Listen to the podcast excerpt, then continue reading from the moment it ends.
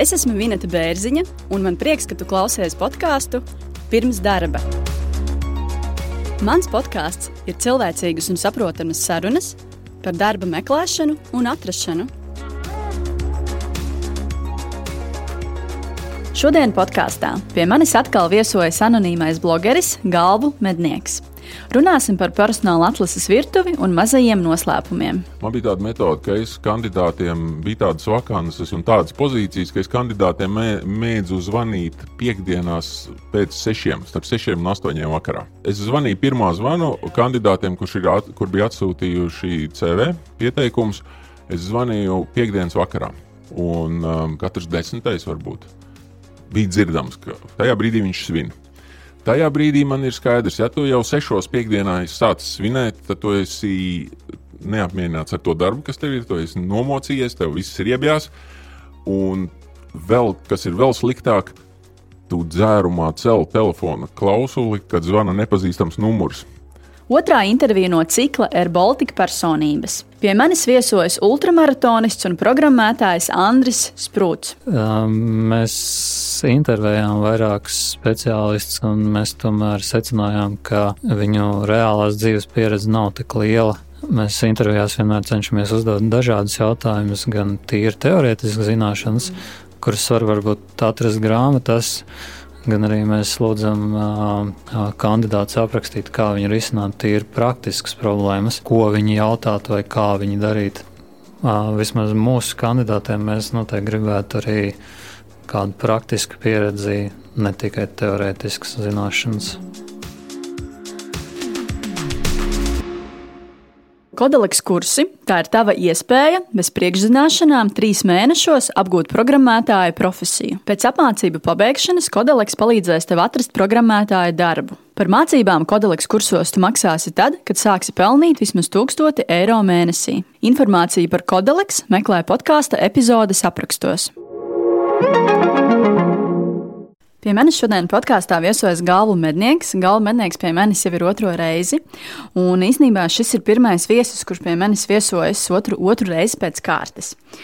Pēc iepriekšējās sarunas ar galvu mednieku bija īstenībā diezgan daudz komentāru sociālos tīklos un arī jautājumu. Un es tā nospriedu, ka šī epizode tika mīlēta no klausītāju puses, jo bija diezgan daudz arī klausījumu un, un vēstuļu. Un līdz ar to pateicu arī šo atgrieznisko saiti galvenajam. Mēs sākām atkal sarakstīties un radās daudz jaunu diskusiju un jautājumu. Tāpēc šodien galvenais ir šeit. Sveiks! Prieks dzirdēt, jāsaka, tā viena nianses. Mēs neesam gluži otro reizi pēc kārtas. Ja te pa vidu kaut kas laikam ir noticis, ir tā slavenā tā epizode ar, ar tavu pirmo tiešraidi, par ko mēs droši vien nedaudz vēlāk parunāsim. Bet, nu, katrā ziņā prieks, ka ir tāds gods, ka es esmu te otro reizi, un es ceru, ka arī pēc šīs epizodes cilvēki nebūs dusmīgi, jo man ir ko teikt. Es atkal esmu pats uzprasījies un piedāvājis tev tēmu sarunai un jautā man par lietām, par kurām es esmu sagatavojies. Super, varēsim tad padiskutēt. Jā. Bet kā varbūt vispār šobrīd tev ir iet ar atlasi Covid laikā? Iet tā kā karantīnā. Iet maz, tā kā es darbojos tagad pietiekami individuāli. Man ir savs klientu lokus, ļoti šaurs klientu lokus. Tas, kas man šķiet, ir ar to covidu, ka notiek tādas lietas, kas man varbūt pašam tīri personīgi nepārāk patīk. Man, piemēram, nepatīk, kā cilvēki pazaudē tādu ieradumu, kā sasveicināties, spiežot rokas. Ja man tajā personāla atlases biznesā tas kaut minimālais, bet tomēr tas kontakts fiziskais ar cilvēku šķita pietiekami un, un ļoti svarīga lieta. Man tas rokas spiediens, eh, vai tas ir vīrietis vai sieviete, ar kuru bija jāsasveicinās, nozīmēja ļoti daudz un vēl joprojām nozīmē. Man ir žēl, ka tas tiek tā kā, tā kā bišķi aizmirsts, un es ceru, ka pie tā mēs atgriezīsimies. Jo, jo nu, to, paspiežot to roku, to var uzzināt daudz vairāk nekā cil, no cilvēka ķermeņa valodas. Un ļoti daudziem cilvēkiem tā ķermeņa valoda sēžot ir vienāda. Tu vairs neko tur daudz nevari pateikt. Tad pēc rokas spiediena var ļoti daudz. Tā kā, nu, tas ir tas, kas, kas man no Covid pagaidām ir lielākais iespējas, ja, ka mēs esam pārtraukuši sarokoties. Mēs sarakstījāmies ar tevi, ka tu esi skatījies arī manu tiešraidi pēdējo attiecīgi Facebookā, un, un, un mēs vienojāmies īstenībā par vairākām tēmām, par ko varētu šodien aprunāties, un ar ko varbūt tu gribētu sākt šodien. Tiešraidi es noskatījos ar interesi. Daudzas no tām lietām, par kurām jūs runājat, varbūt jau kaut kādā ziņā atkārtojās, bet dažas tika pieminētas, un man likās, ka tu pieminēji tādu lietu kā melnie saraksti. Jā, pieminēju.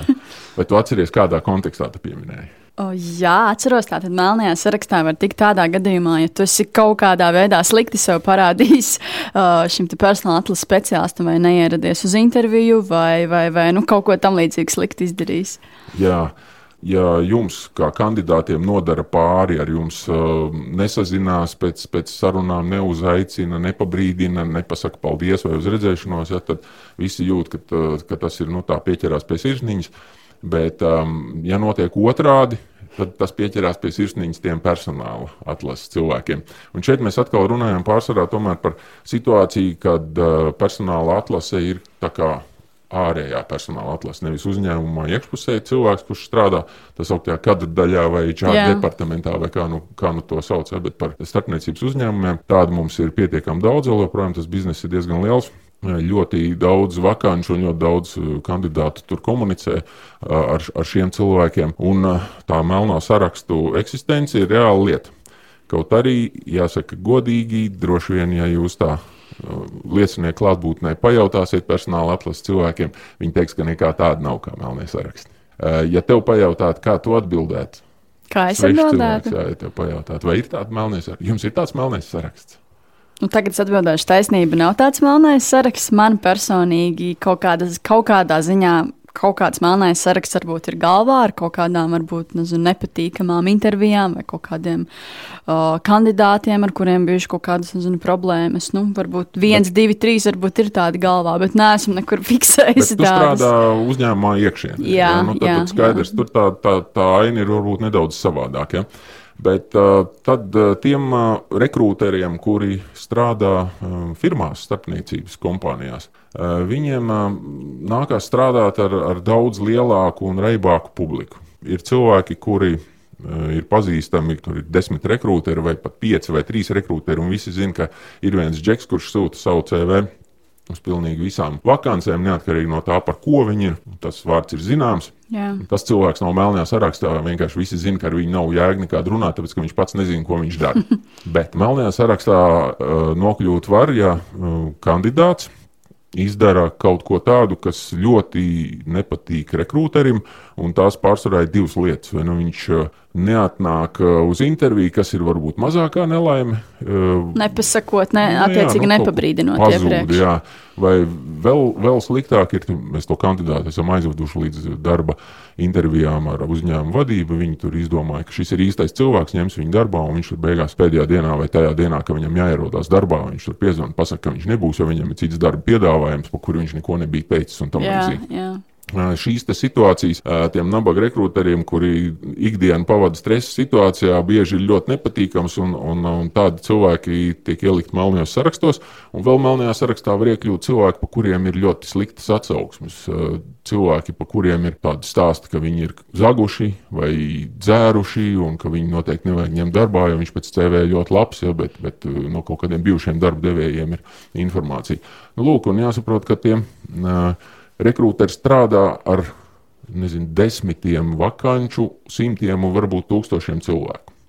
Un, un skaidrs, ka tīri instinktīvi viņi grib šos cilvēkus kaut kā atzīmēt. Līdz ar to viņi veido melnos sarakstus. Lai ko viņi par to neteiktu, tajās kompānijās tie melnie saraksti ir. Tā nav nekāda atsevišķa datu bāze, kurā ir rakstīts melnais saraksts virsū. Ja. Tā drīzāk ir, tie ir kaut kādi saraksti, kuri ir varbūt katram rekrūterim savi, Jā. personīgie, bet viņi ar viņiem mainās savā starpā. Skaidrs, ka varbūt starp kompānijām nemainās, jo kompānijas visas ir konkurence savā starpā, un tā ir tāda informācija, ko ārpusē nes nedrīkst. Jo principā ir pilnīgi skaidrs, ka tas ir nelikumīgi, ka tev ir kaut kāds tur saraksts. Tā nedrīkst būt.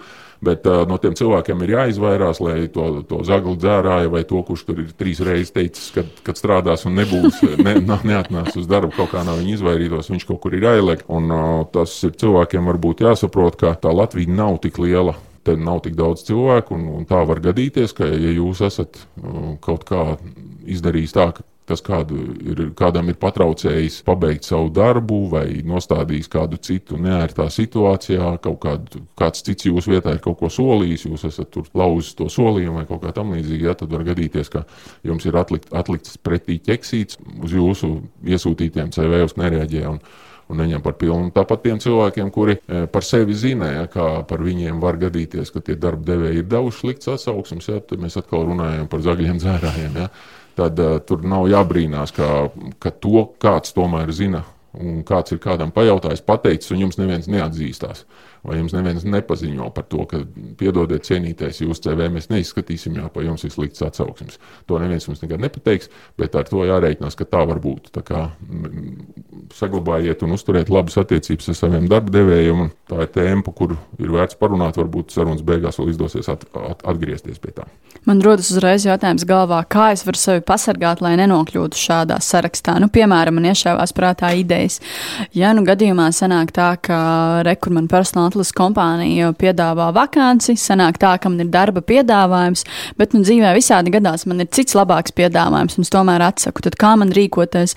Vai man tam personāla atlases speciālistam tur atvainoties, nezinu, sūtīt puķas konfektes, uh, un, un, un uh, tā kā viena situācija, un otra situācija, piemēram, es tomēr nevaru atnākt uz to darba interviju kaut kādu iemeslu dēļ, tad man arī uzreiz zvanīt, rakstīt, uh, nezinu, ko tur atvainoties.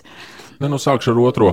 Uh, neatnākšana uz interviju, tas ir vienkārši nu, tas tāds, uh, turpat varbūt no pa melno sarakstu, tas tā, tā, tā, tā nekulturāli. Nu, tu esi pateicis, yeah. ka tu būsi 11, tu vienkārši neesi, tu neesi sazvanāms vai tu, nezinu, aizmirsi. Ja? Nu, tas um, parāda tev kā kaut kā tur neorganizēt cilvēku, kurš vispār tur neņem vērā, ko citi ir saplānojuši un tam līdzīgi. Nu, tad tur varbūt pa melno sarakstu vēl, vēl tur daudz nav ko runāt, bet ir pilnīgi skaidrs, ja jūs esat kādam apsolījis, ka jūs būsiet intervijā, Eh, tad eh, nu, būtu vēlams tomēr tur ierasties. Un, ja nē, tad pateikt paldies uz redzēšanos. Tie rekrūteri to dzird katru dienu. Tas, tās intervijas notrūkst, viņas nenotiek bieži vien, bet cilvēki parasti pasaka.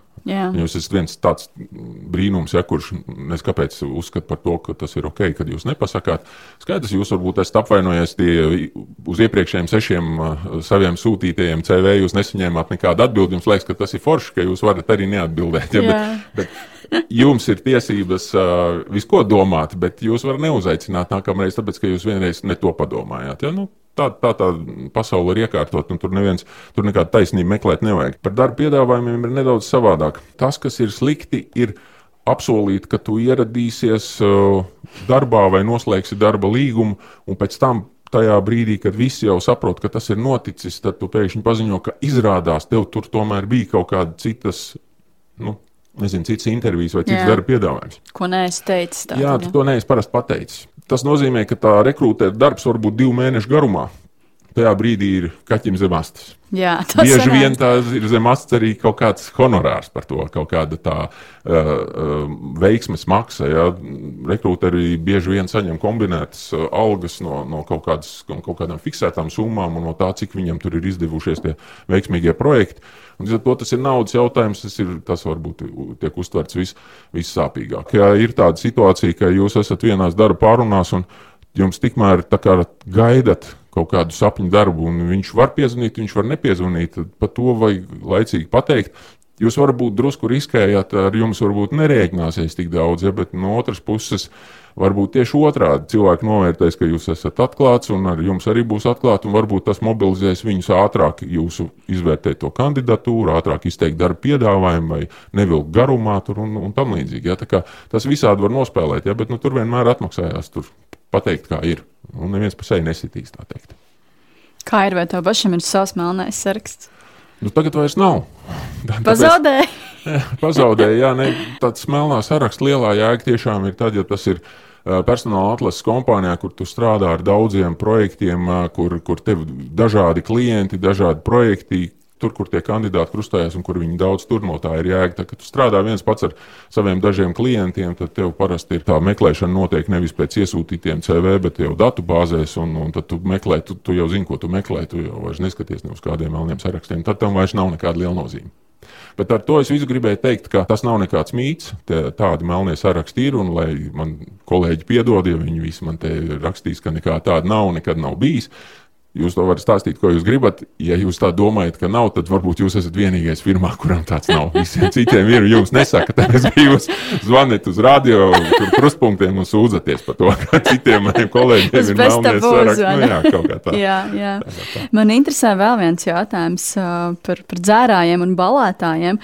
Jo, nu, piemēram, atnāk cilvēks, kurš ir varbūt iepriekšējā dienā lietojis alkoholu, paģirēns uz darba interviju un nokļūst melnajā sarakstā, un otrs variants variants, ka cilvēks vienkārši balētājs un rekrūteris skatījies sociālos tīklos, ka viņam tur varbūt ir bildes lietojot alkoholu, balītēs, un vai šādā veidā arī cilvēks var nokļūt melnajā sarakstā tikai tāpēc, ka viņš uh, sociālos tīklos ir ielicis bildi ar, nezinu, vīna glāzi. Jā. Banāli jāsaka, ļoti labs jautājums. Jo es sākšu ar nedaudz atkāpi. Man bija tāda metode par zērājiem vispirms, nevis par bildēm.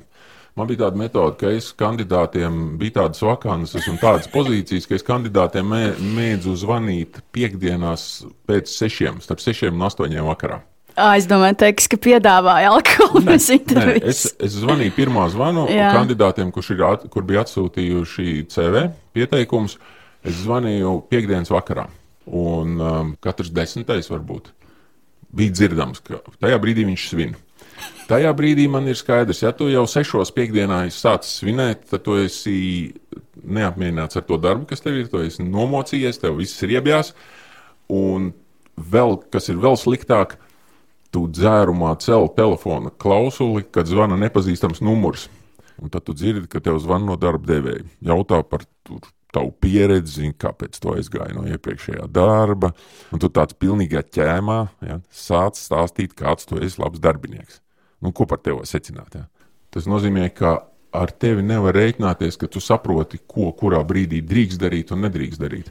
Kaut kādās kompānijās tāds cilvēks, ja viņš ir kaut kādās pārdošanas struktūrās, iekšpusē un tam līdzīgi pat nedzēris, viņš var nesaprast, ko kurā brīdī kuram cilvēkam drīkst teikt, kā ir jārēģē un kā ir jāuzvedās. Jā. Tā, tas ir rādītājs. Es, es tā, tādā veidā esmu sijājis cilvēkus, un, un, un es domāju, ka tas ir, ka, ka tā, ka tas ir labs paņēmiens. Tas nav godīgs paņēmiens, un to atkal neviens jums neatzīsies, varbūt uh, acīs, ka, ka tā, tā pilnīgi noteikti tā nedrīkst. ja, bet, bet es tā darīju un, un uzskatu, ka tas dod uh, rezultātu. Uh, par dzērājiem un bildēm. Uh, tā ir otrā tēma, kuru es arī dzirdēju izskanam tajā tiešraidē. Ja, tas ir informācijas meklēšana par kandidātiem sociālajos tīklos. Un pārsvarā mēs šeit runājam par eh, Facebook un, un Instagram. It īpaši Facebook. Man personīgi nepatīk, un es izvairos skatīties kandidātu profilus personīgos. Un es izstāstīšu, kāpēc. Tur ir divi, eh, divi iemesli. Tā man ir svarīgi, ko tas cilvēks, kāpēc viņš tās baudīšu bildes liek. Nedomājot vai lepojoties. To pēc bildēm pašām redzēt nevar lai viņi saprastu, vai viņš ir tāds nu, stilīgs cilvēks un saprot, kuras bildes drīkst likt, kuras nedrīkst. Jā, nu, tas varbūt ir jautājums, kas nevienmēr ir svarīgi. Nu, maz no cilvēkam nav gaumes. Viņam liekas, ka varbūt tas ir baigi forši, ja tur tur makšķerēšanas vai bildi vai ar savu BMW vai kaut ko tam līdzīgi ieliec. Man liekas, ka tas ir banāli. Nu, ja man tas nepatīk, tad ko man par to cilvēku domāt? Skaidrs, ja tur ir vien, vienīgi, viens vienīgs pudelis un, un, un apdzērušies mūļi, nu, tad tas varētu būt, tas varētu būt slikti. Ja? Bet man nav tādu pārāk daudz tādu projektu bijuši, kur tāda publika varētu gadīties. Savukārt, tā teikt, par normāliem cilvēkiem skatīties, ko viņš tur Facebookā liet, nu, nevis neko nedod, bet tas nekādā veidā tam nevajadzētu neko izšķirt. Tā ir viena lieta, ka es neuzskatu to par kaut kādu saturīgu informāciju. Un pats cenšos to neizmantot un, un, un nevienam neiesaku. Bet sliktākais pats visā tajā biožu skatīšanā ir tāds, es zinu, ka mani kolēģi. Un, un ne tikai personāla atlases firmās, bet arī it īpaši es domāju, ka uzņēmumos strādājošie kolēģi saviem kandidātiem gan ļoti rūpīgi skatās tos, tos profilus. Es varētu ar saviem kolēģiem padiskutēt par to, ko viņi tur ieraudzīja un kādus secinājumus viņi no tā izdara. Un es esmu diezgan pārliecināts, ka tas, kā cilvēks uh, skatās Facebook, ka tajā brīdī viņš izslēdz sevi kā profesionāli, viņš skatās uz to Facebook kā persona. Viņš skatās to cilvēku nevis kā rekrūteris vai kā HR speciālists uz kandidātu, bet kā cilvēks uz cilvēku. Un tad jautājums, vai, vai tas tev palīdz darbā? Vai tu māki to atslēgt, vai tu māki novērtēt, kur ir tava kaut kāda personīgā gaume, tev nepatīk šī tipa sievietes vai vīrieši, un tāpēc tev šis cilvēks uzreiz ieskaitās kaut kādos nepatīkamajos. Vai tas tev kaut ko dod tavā profesionālajā vērtējumā, vai tas uzreiz nozīmē, ka viņš varēs ierakstīties vai neierakstīsies firmā. Man šķiet, ka mani kolēģi šo sērgu, to skatīšanos sociālos tīklos e, izmanto trīs iemeslu dēļ. Vispirms tas ir pavelti, Tad tas neko nemaksā. Jebkāda cita informācijas meklēšana par, par cilvēku maksā. Tev jāpērk no CV online par naudu, ir iespēja skatīties, klikšķināt, vērt vaļā, tur nezinu, kaut kāds profils. LinkedInā, ja tu gribi kaut ko sakarīgu redzēt, labi daudz un kaut ko meklēt, tev arī jāmaksā par kaut kādiem prēmijiem un tam līdzīgi. Tad, tad pirmais tas ir pavelti, Facebook. Otrais tas ir patīkami, jo tu pavadīji laiku tā kā darbā un vienlaicīgi izklaidējoties. Jo tu Jā. atver Facebook, tu patiesībā esi savā Facebookā tajā brīdī. Tu no sava Facebook skaties citus Facebookus. Ja? Tas ir forši. Un pie viena tur var tur ir kaķīši paskatīties. Tā, kandidāts, kandidāts, kaķītis, kaķītis, sunīts, sunīts, kaķītis, bildītis, kandidāts. Tāds, tāds ir apmēram tas. Līdz ar to, kā, ko tu tur dari? Tu tagad izklaidējies vai tu strādā? Kā tu vari nokoncentrēties? Līdzīgi nevar LinkedIn, kā domā? Nu, tur to kaķīšu mazāk. Kaķīši mazāk. Nu, Bet tik pa laikam parādās arī. Parādās. Un, un tā ir uh, LinkedIn nelaime. Es domāju, ka tas ir slikti. Tas, ka LinkedIn ir ieviesis šitos te storiju. Ja? Tas ir solis uz, uz, uz, uz šo pusi. Ja? Tas Skatīšiem. ir arvien mazāk novienkāršota vizuāla informācija, kur neko tam, kā lai saka, nu, LinkedIn būtu tā vieta, kur darba devēja, darba meklētājiem satiekās un kaut kāda profesionāla informācija samainās. Nu, tajos storijos ir kā mēs forši jūtamies, nekas vairāk. Un tas ir viens solis tuvāk kaķīšiem un sunīšiem. Ticiet man, tur pēc gada būs tādi paši kaķīši tā kā Facebookā. Vai es pareizi sapratu, ka minot to, ka uh, tavuprāt nav, nav e, efektīvi un, un nevajag skatīties uh, kandidātus sociālos tīklos, ka tas ir pielīdzināms diskriminācijai? Tu vienkārši esi sēdi Facebookā, ko tu tur vari diskriminēt? Tu vienkārši pazemini savu statusu. Tu esi nevis profesionāls, kurš skatās uh, sakarīgu informāciju, lietišķu, bet vienkārši sēdi Facebookā tajā brīdī, un tev kaut kas patīk un kaut kas nepatīk. Nu, tur nekāda diskriminācija nesanāk. Nu, piemērs, ka no. ir kandidāte vai kandidāts, un tu redzi, ka piemēram šim cilvēkam ir vairāk nekā trīs bērni. Un tu sāc diskriminēt, ka šādu darbinieku mums nevajag, kuram ir daudz bērnu, droši vien bērni slimos un ņems daudz, daudz slimības lapas nevienu cilvēku ne, nesāk rēķināt pēc tā, vai viņam ir bērni. Vispirms apstāsta, vai viņš ir no tās nozares, vai viņam ir tā pieredze un tam līdzīgi. Un tad, ja viņi ir divi vienā, tad paskatās, vienam ir bērni, otram nav bērni. Nu, bet tā notiek ar pilnīgi visu, ko cilvēkā salīdzina. Ja? Lai salīdzinātu kandidātu profesionālās prasmes, tur rekrūterim jāpielieto savus mm, zināšanas. Lai salīdzinātu Facebook profilu kaķīšu, pietiek ar ziņkārību. Trešais iemesls, kāpēc rekrūteri kļūst medicīniski atkarīgi no tās sēdēšanas Facebookā, ir tas, ka mūsdienās ir papilnam to aizliegumu uzdot kandidātiem personisks jautājums. Bet rekrūteriem vajag zināt. Ja, par kandidātu personiskās lietas, nu, par bērniem, sievām, drēbiskapiem un tā tālāk. Bet uh, arvien vairāk ir slinku un neprofesionālu rekrūteru, kur nemaz nemāk no kandidātiem dabūt ārā to informāciju, tā nemanot. Bet tur darba intervijā novērtēt viņus pēc uzvedības, tur izskata runas veidu vai valodas. Nu, patiesībā ir vēl sliktāk. Rekrūteri ir ne tikai slinki, bet arī izbraukt, grib palēto, palūrēt Facebook profilā, tur jau viss par kandidātu, tur var, viss var redzēt. Facebook ir nemākulīgu un slinku rekrūteru ieradums, kuru mūsu aprindās nevis nosoda, bet tieši otrādi veicina. Tā visi dara. Un tas ir ieradums, kuram tu seko, nedomājot, vai tas ir labi, vai tas kaut kā palīdz tev darbā, vai tas palielina tev darba efektivitāti, vai to maina to rezultātu vai tas, ka tu pārbaudi viņus tajā Facebookā, vai tas nozīmē, ka tu labāks cilvēks atrodi savam, savai firmai, ka tu izvairies no cilvēkiem, un es nezinu, ka tu kaut kā tur tos bērnus samazini vai, vai, vai kaut kā tam līdzīga viņa, viņa loma dzīvē. Nu, tā nenotiek. Ja? Tā kā, Es domāju, ka šī te, uh, Facebook sēdēšana un, un, un pārāk lielā uzmanības pievēršana padara pašu rekrūteri par par vienkāršu cilvēku. Viņš vairs nav nekāds profesionāls un speciālists, kas izvērtē pēc kaut, kādām, kaut, kaut kādiem nezinu, nopietniem kritērijiem, bet viņš vienkārši sēž un cilvēks, kas viņam patīk, vairāk, tā kā viņam viņa vairāk patīk, un, un tā kā mazāk, tā kā mazāk. Tā nav diskriminācija, tas ir vienkārši subjektīvs viedoklis. Jau tā, tajā personāla atlasē ir pa daudz visādi subjektīvas. Mēs visi pieņemam kaut kādus lēmumus, tāpēc, ka mēs esam tādi cilvēki. Ja, bet vēl, vēl, vēl uzlikt virsū tam visam to Facebook, tas ir galīgi nepareizi. Un es domāju, ka aizraušanās uh, to nozari, tās visas uh, profesijas, prestižu un, un, un nopietnību padara smieklīgu. Tā, ja tev ir kaut kāda profesija, tad tā profesija nesaucās Facebookā sēdētājs. Tad būtu jābūt kaut kam Jā. citam nopietnākam iekšā. Ja, ja tavs darbs sastāv divas trešdaļas no sēdēšanas sociālajos tīklos un skatīšanās tur, tad tas nav īsti labi. Es domāju, ka tas nedara nekādu godu, un tas nekādā veidā neceļ ne mūsu profesijas prestižu, ne, ne, ne reputāciju visai tajā nozarē. Neko.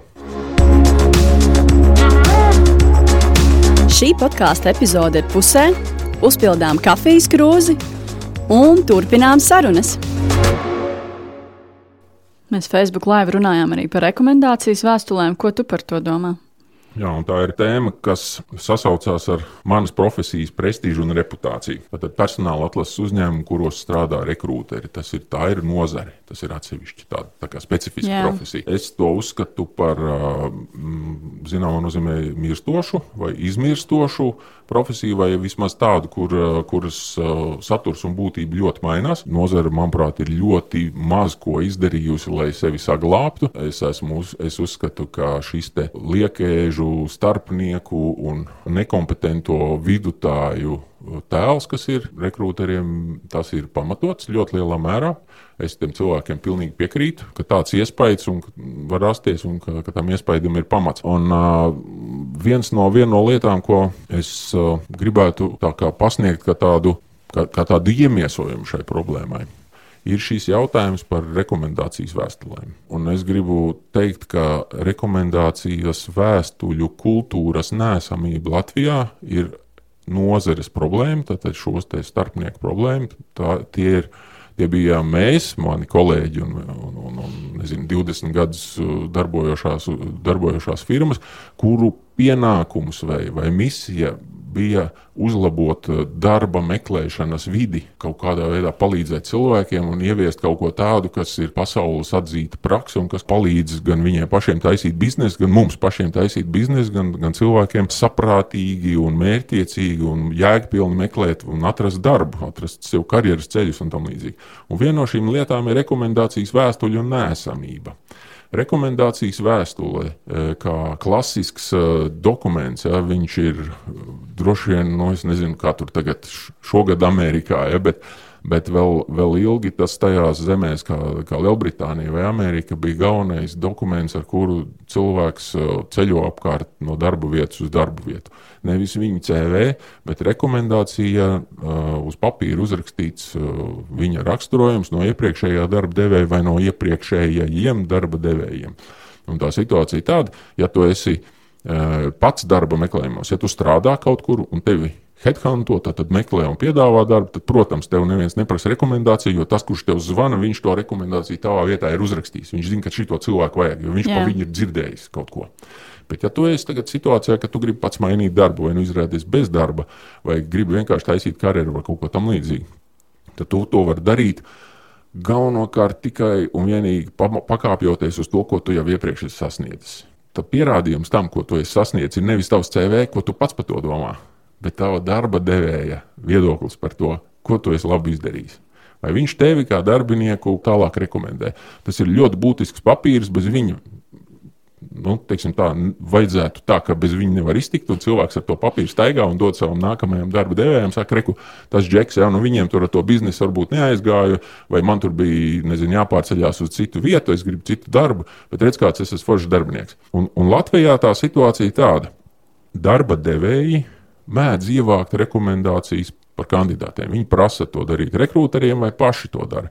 Respektīvi, kaut kādā brīdī tā sazināšanās notiek. Uh, kad piezvana bijušajam darba devējam vai, vai kaut kādiem tur, nu, zinu, kolēģiem un pajautā, ko jūs domājat par šo cilvēku.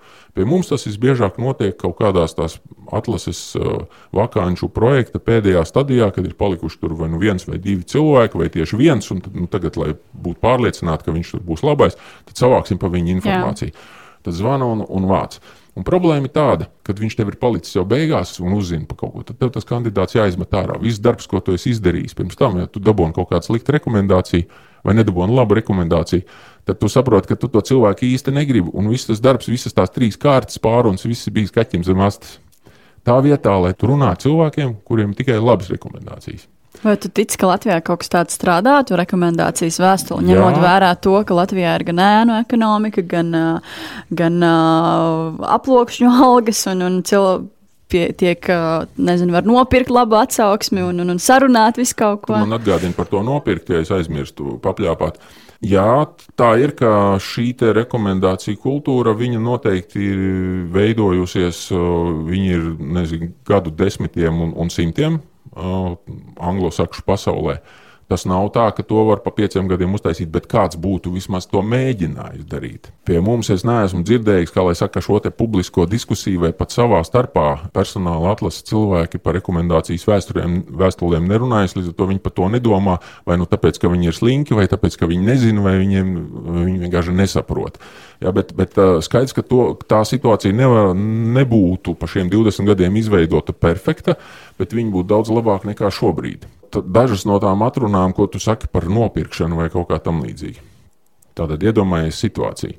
Cik lielai ir jābūt cilvēka dušai, lai viņš staigātu ar viltotu vēstuli? Ir viens, ka tu staigā bez rekomendācijas vēstulēm un saki, nu, tur mēs baigi forši šķīrāmies, mēs esam ap priekšnieku palikām draugi, viss ir kārtībā. Un ceri, ka neviens viņam nepiezvanīs un nepaprasīs. Tā ir viena situācija. Otra, tu staigā apkārt ar papīru, kur, kur tu esi samelojies un kur ir noviltots viņa paraksts, piemēram. Kā domā, cik liela duša tam vajadzīga?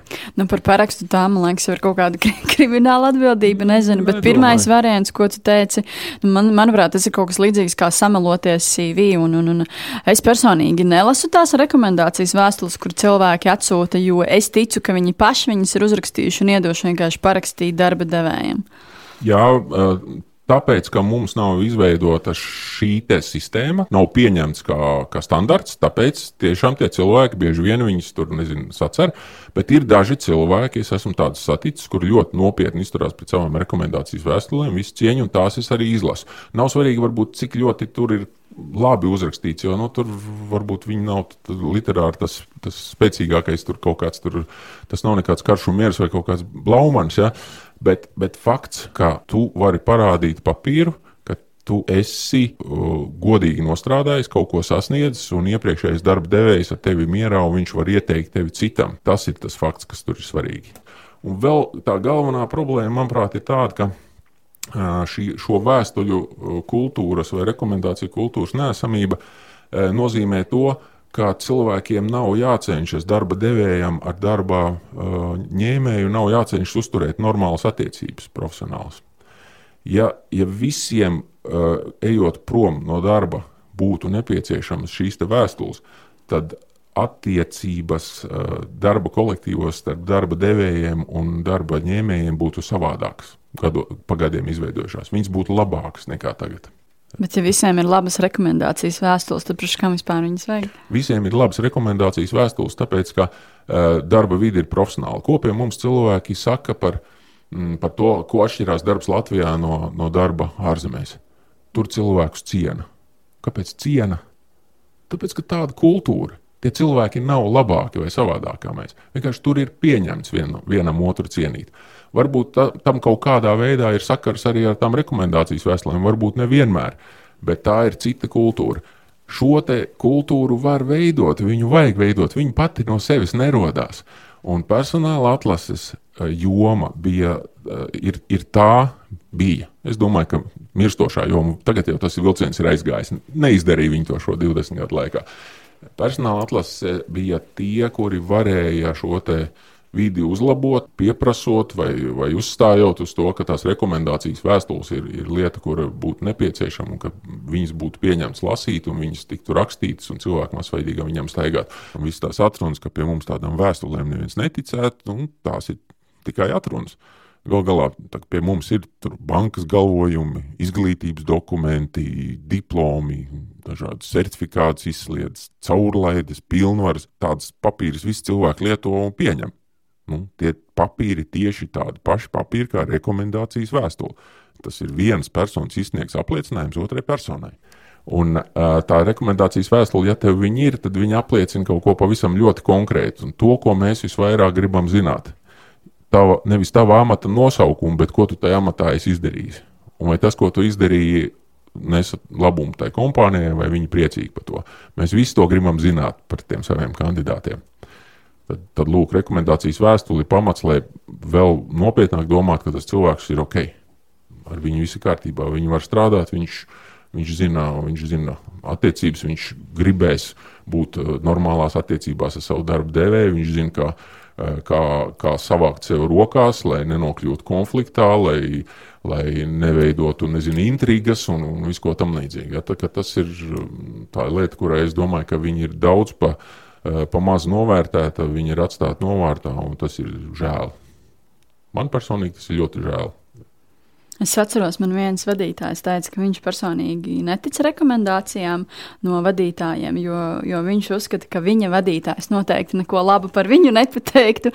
Un visticamāk, arī citi vadītāji darīs tā, ka neko labu nepateiks par saviem darbiniekiem. Un, tu, un ko tu par to cilvēku pašu padomā, kas tev tā saka?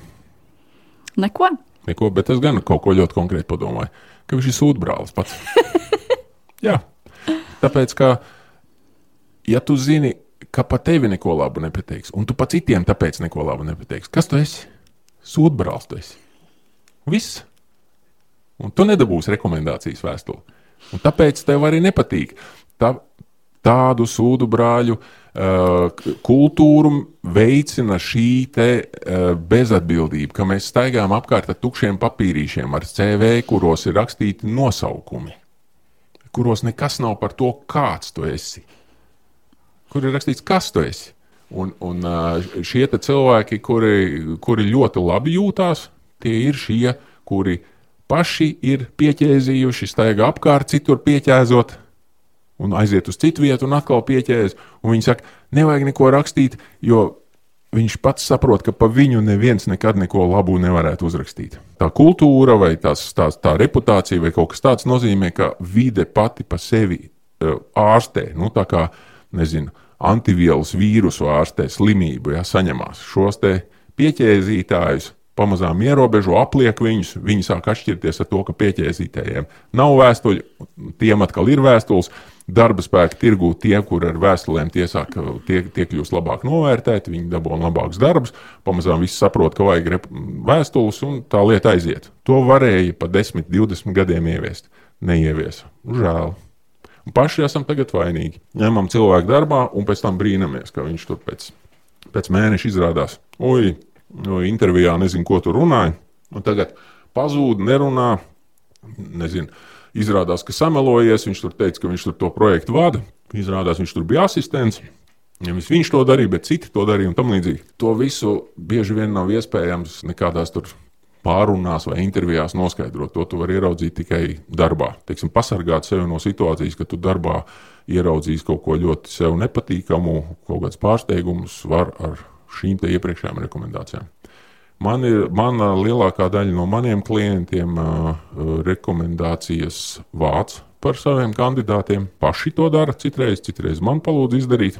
Bet es uzskatu, ka tad, kad tu to speciāli vāc, tā ir viena sistēma, tad tas nozīmē, ka tu paspiego cilvēku, bieži vien tam cilvēkam īsti pat nezinot, un pēc tam nepastāst, ko tu tur īsti uzzināji. Tur tev nav nekāds pienākums viņam ziņot, ne, ko tur pat tev tas priekšnieks pateica. Tā ir atkal tāda ēnu spēle. Ja. Tur, tur parādās visādi, visādi varianti, kā ar to var spēlēties, bet um, rekomendācijas vēstules tā, tā galvenā jēga ir tāda, ka cilvēka reputācija darbojas tādā veidā, ka tu kādam kaut ko soli un izpildi.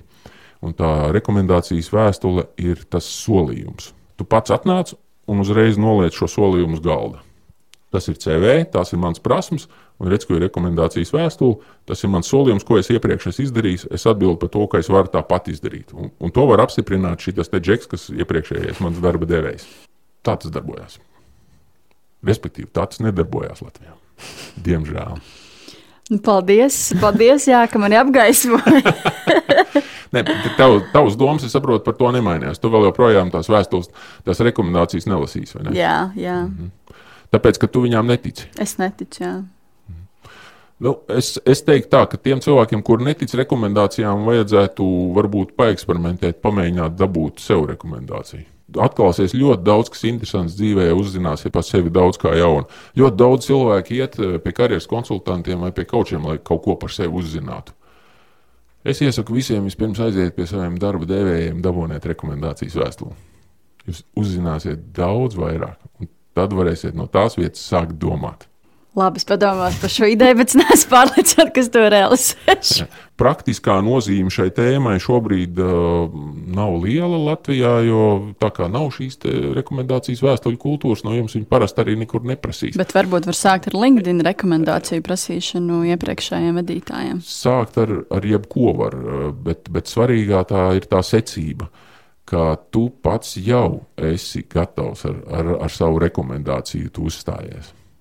Jo nu, ir cilvēki, kurš savā CV vienkārši beigās norāda uh, telefonu numuru un vārdu un uzvārdu, kuru, uh, kuram drīkst zvanīt. Un šiem cilvēkiem es gribu pateikt, jā, ka, nē, tas, nav, tas ir nelikumīgi. Nu, jā, nu, jā. Nu, jā. Jā, saprotiet, tur tā problēma ir vēl. Ja, šim te visam aspektam ir vēl tas, par ko mēs vispār nemaz nerunājam.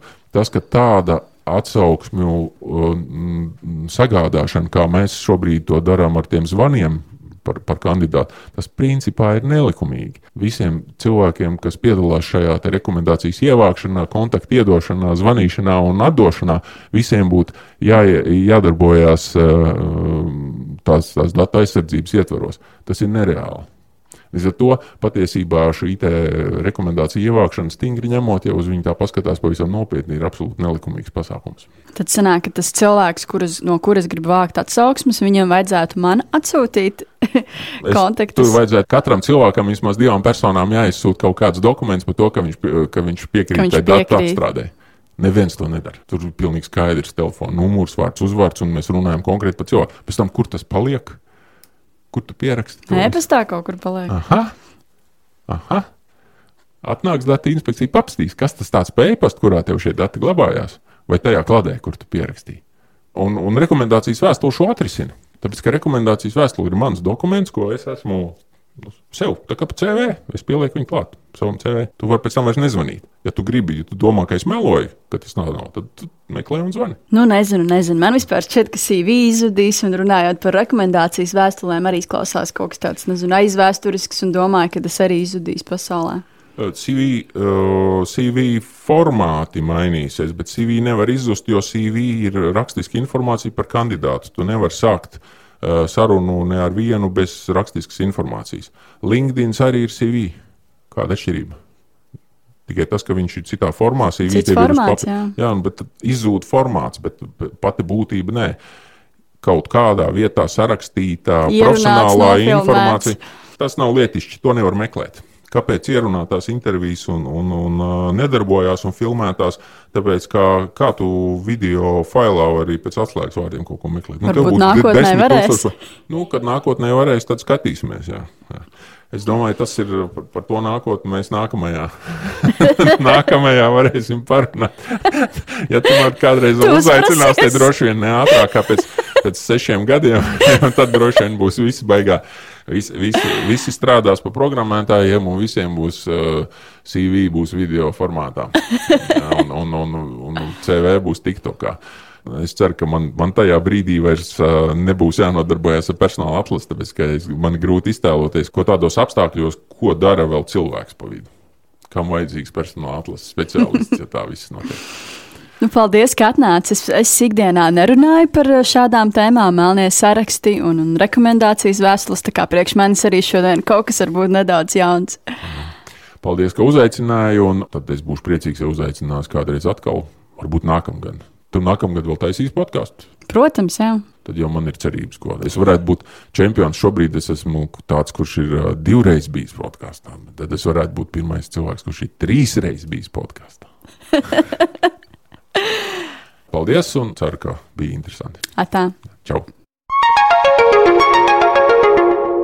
Turpinām interviju sēriju ar Latvijā unikāla uzņēmuma Air Baltica darbiniekiem. Šodien mans sarunu biedrs ir Andris Sprūts.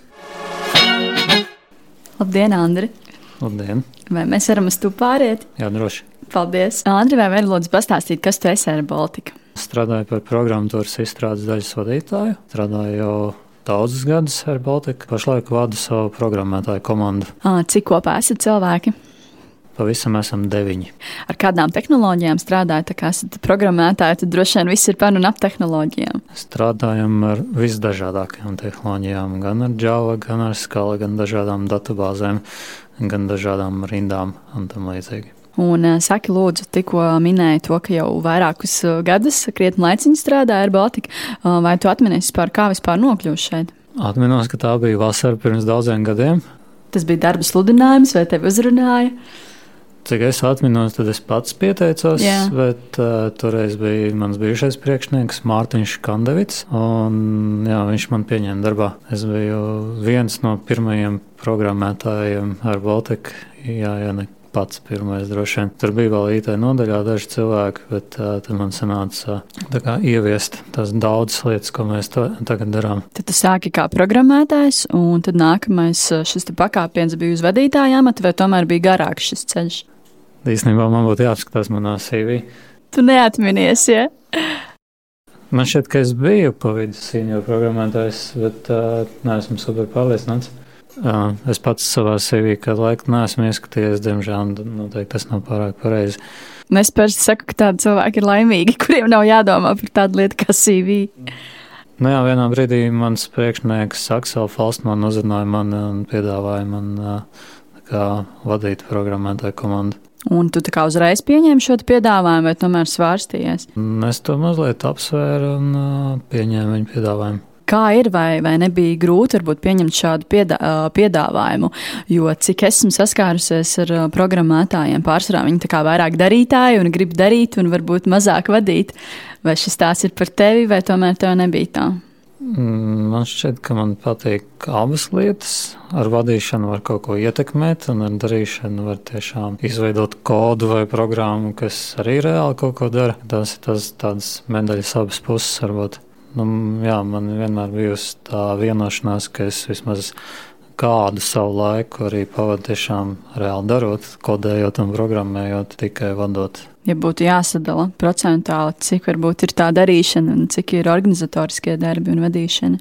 Aptuveni, nevajag, nevajag ļoti Tas īstenībā laika gaitā mainās. Tas vien brīdi ir uh, vairāk uh, programmēšana arī man pašam, un citos brīžos ir vairāk personāla daļas jautājumu. Varbūt tas, tas visu laiku mainās. Un kā ir, ja, piemēram, tev nebūtu šī iespēja programmēt, bet tikai vadīt, organizēt, vai tu būtu gatavs to darīt, vai tomēr tev šis ir tas, šī iespēja programmēt, pie tā turies un tev tas patīk un aizrauj? Es domāju, ka tieši IT nodaļa daļā katram vadītājam būtu jāsaprot tā otra puse.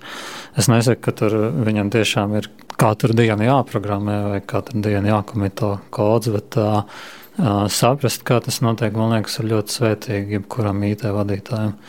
Nu, īstenībā citās nozarēs arī uh, tiek ieteikts vadītājiem varbūt pašam pasēdēt uh, bankā aiz lodziem, lai saprastu, kā tas vispār notiek. Es domāju, ka šeit ir tas pats. Tu iepriekš minēji, ka komandā tev ir tikai deviņi cilvēki, vai tiešām deviņi cilvēki jūs ar visu tiekat galā, vai arī jums ir uh, outsourcingā kādi cilvēki, programmētāji? Mums pašlaik tieši komandā nav outsourcing cilvēki, bet mēs tomēr sadarbojamies ar dažādām citām, dažiem citiem uzņēmumiem, kas mums piedāvā risinājumus. Mm -hmm. Vai tev šobrīd ir kādi cilvēki, kas ir nepieciešami komandā, kādas atvērtas vakances? Jā, pašlaik mēs meklējam data warehouse programmētāju, kā arī backend izstrādātāju. Divas un backend kādā programmēšanas valodā programmēt? Mēs meklējam cilvēku ar uzsvaru uz Java zināšanām, proti, Java, Spring Boot un tam līdzīgas tehnoloģijas. Es arī pirms kāda laika meklēju Java speciālistus, nu, tā kā izstrādātājus, jo es arī esmu personāla atlases speciālists un uh, zinu, kā tas ir, jo ir grūti atrast.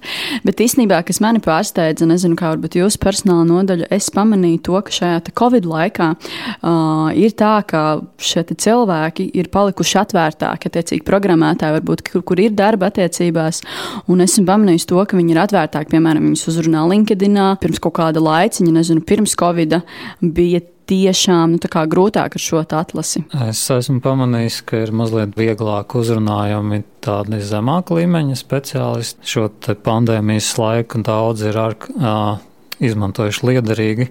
Pavadu laiku studējot, mācoties programmēt. Un, un, protams, viņi meklē darbu, brīžiem savu pirmo darbu. Bet, teiksim, par tādiem pieredzējušākiem specialistiem, nu, varbūt savā ziņā mazliet vieglāka situācija ir. Bet tas, tas nebūtu tik izteikti. Un backend kāda līmeņa speciālists šobrīd meklēt, varbūt ir cik gadu pieredze? Es nezinu, vai pareizi būtu pieredze skaitīt gados. Īstenībā mēs meklējam katrā no tām tehnoloģijām kaut kādas noteiktas zināšanas. Tieši no, no gadu pieredzes es esmu redzējis dažādus kandidātus. Tie paši gadi varbūt nav pats noteicošais vienmēr. Vai tu būtu gatavs ņemt, piemēram, tikko no programmēšanas skolas, kā ir ar Baltiku, vai tādu iespēju jūs dodat cilvēkiem tikko no skolas? Um, mēs intervējām vairākus speciālistus, un mēs tomēr secinājām, ka viņu reālās dzīves pieredze nav tik liela. Mēs intervijās vienmēr cenšamies uzdot dažādus jautājumus, gan tīri teorētiskas zināšanas, mm -hmm. kuras var varbūt atrast grāmatās gan arī mēs lūdzam kandidātus aprakstīt, kā viņi risināt tīri praktiskas problēmas, ko viņi jautāt vai kā viņi darīt. Tieši šie praktiskie jautājumi nav varbūt tā, tā pat stiprākā puse. Vismaz mūsu kandidātiem mēs noteikti gribētu arī kādu praktisku pieredzi, ne tikai teorētiskas zināšanas. Mm -hmm. Vai dodat arī kādus praktiskos darbus šiem programmētājiem, kuri nāk uz intervijām? Atsevišķiem programmētājiem mēs dodam praktiskos darbus, tomēr mēs nedodam visiem. Kā jūs šķirojat, kam dod, kam nedod? Mēs mēģinam novērtēt viņu tehnoloģiju zināšanas, un ja par kādu no tehnoloģijām rodas šaubas, vai arī rodas pārliecība, ka tās tikai teorētiskas zināšanas, bet nav praktiskas, Tad šādos gadījumos mēs mēģinām iedot praktisku darbu. Nu, manā pieredzē arī ir bijis tā, ka, ja mēs, piemēram, intervijā ar vadītāju jūtam, ka ir spēcīgs uh, cilvēks un zinošs tehnoloģijās, tad ir, protams, arī tādi gadījumi, kad nedodam šos praktiskos darbus. Un to īstenībā arī kandidāti novērtē. Uh, nu, mums nav tā, ka mēs automātiski dotu 100% kandidātu kādu praktisko mm -hmm. darbu. Varbūt, ka vajadzētu tas praktiskais darbs savā ziņā atsijā tos kandidātus, kam ir labāka motivācija. Nu, Jā, viens protams. ir kandidāti, varbūt, ja viņi neaizpild to darbu, varbūt viņi nemāk to izdarīt. Un otrs iemesls, kāpēc viņi varētu neaizpildīt, ka viņi māga, bet uh, viņi negrib. Uh, tas darbs viņu neinteresē varbūt. Tā un, bieži vien ir, jā. Jā, es saprotu arī, ka kandidātiem, protams, ir esošais darbs un viņa privātā dzīve. Tas praktiskais darbs brīžiem paņem laiku, protams, un ne visi ir gatavi ieguldīt. Tīri interesi pēc, vai varu pajautāt, cik aptuveni stundas aizņem šis praktiskais darbs kandidātiem? Parasti dodam vienu nedēļu laiku to mm -hmm. darbu izpildīt. Nav teikts, ka tur um, visa nedēļa ir jāstrādā, un īstenībā katrs kandidāts iesniedz savu darba versiju uh, dažādi dažādi aizpildītiem tiem darbiem. Viens izdara vienu lietu, viens uh, citu lietu izlaiž. Tas ir savā ziņā normāli. Mm -hmm. Mēs to darbu dodam, tāpēc, lai novērtētu tās vispārējās zināšanas. Mēs negaidām, ka viss būs pilnīgi perfekti. Noteikti tas prasītu varbūt kādu mēnesi laiku, lai to izdarītu perfekti.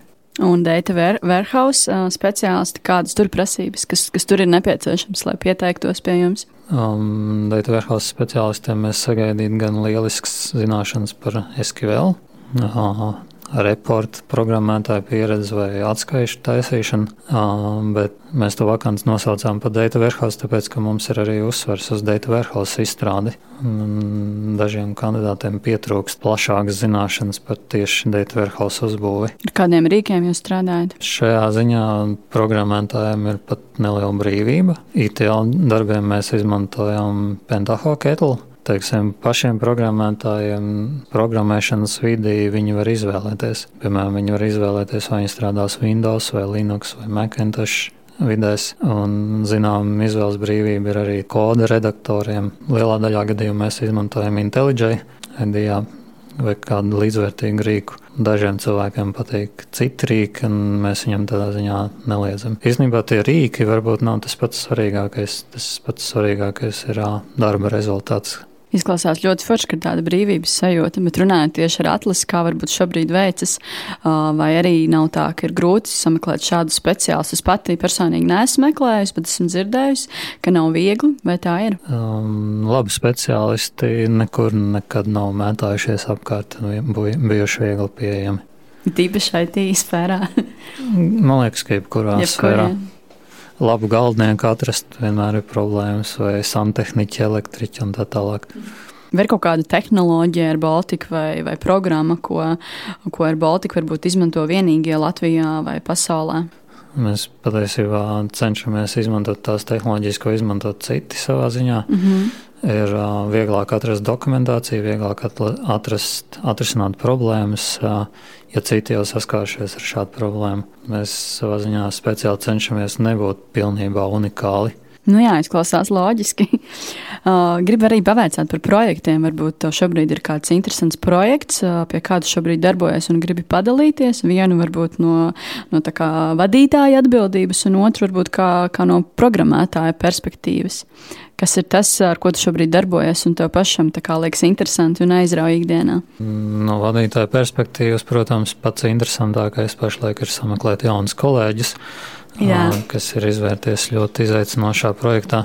Jā, tātad par projektiem runājot, mums ir vairāk. Viens no viņiem ir Customer Self-Service projekts. Mēs palīdzēsim mūsu klientiem pašiem redzēt savus pasūtījumus, redzēt savus lidojumus, pēdējo lidojumu status, kā arī veikt izmaiņas saistībā ar šiem lidojumiem, atgriezt naudu viņu gadījumos, kad tas ir iespējams, vai pievienot somas un tam līdzīgas lietas. Otrs lielais projekts, ar ko mēs pašlaik strādājam, ir notifikācijas sistēma. Gadījumā, ja teiksim, lidojums tiek atcelts vai aizkavējās, tad mēs gribētu mūsu klientiem maksimāli ātri izsūtīt informāciju par šo jautājumu. Un, uh, tas nav tik vienkārši, kā varbūt sākumā šķist. Gribu atgriezties īstenībā arī pie tām vakancēm, pie, pie komandas. Ja nu gadījumā kāds klausās un uh, nezinu, programmētājs vai DVH speciālists un ir ieinteresēts, uh, kā tu varbūt kā noreklamēt savu komandu un uh, ir Baltika, kāds varbūt ir tāds tipisks programmētājs tavā komandā un uh, kādi varbūt ir hobiji vai ko ikdienā viņi dara? Es droši vien nezinu par visiem programmētājiem. Es zinu atsevišķi atsevišķi programmētāji orientējās mežā. Viņiem Jā. patīk piedalīties rogainīgos.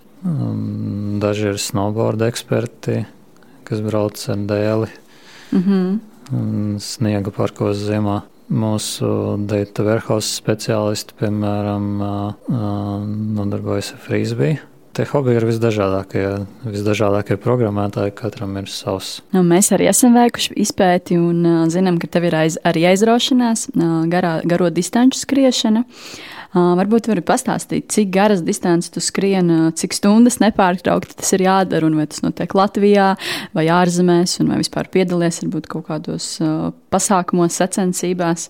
Nu jā, garo distanču skriešana man patīk.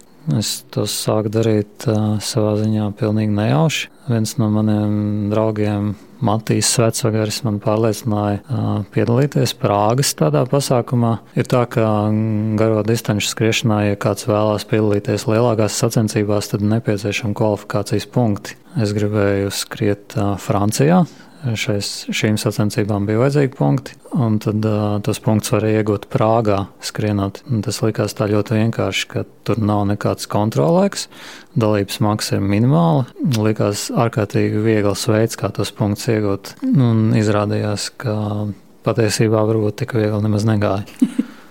Kāpēc?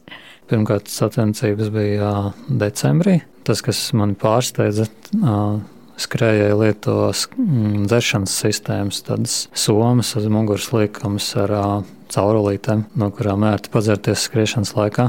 Un uh, neilgi pirms starta es secināju, ka man dzeršanas sistēma ir vienkārši aizsalusi. Wow.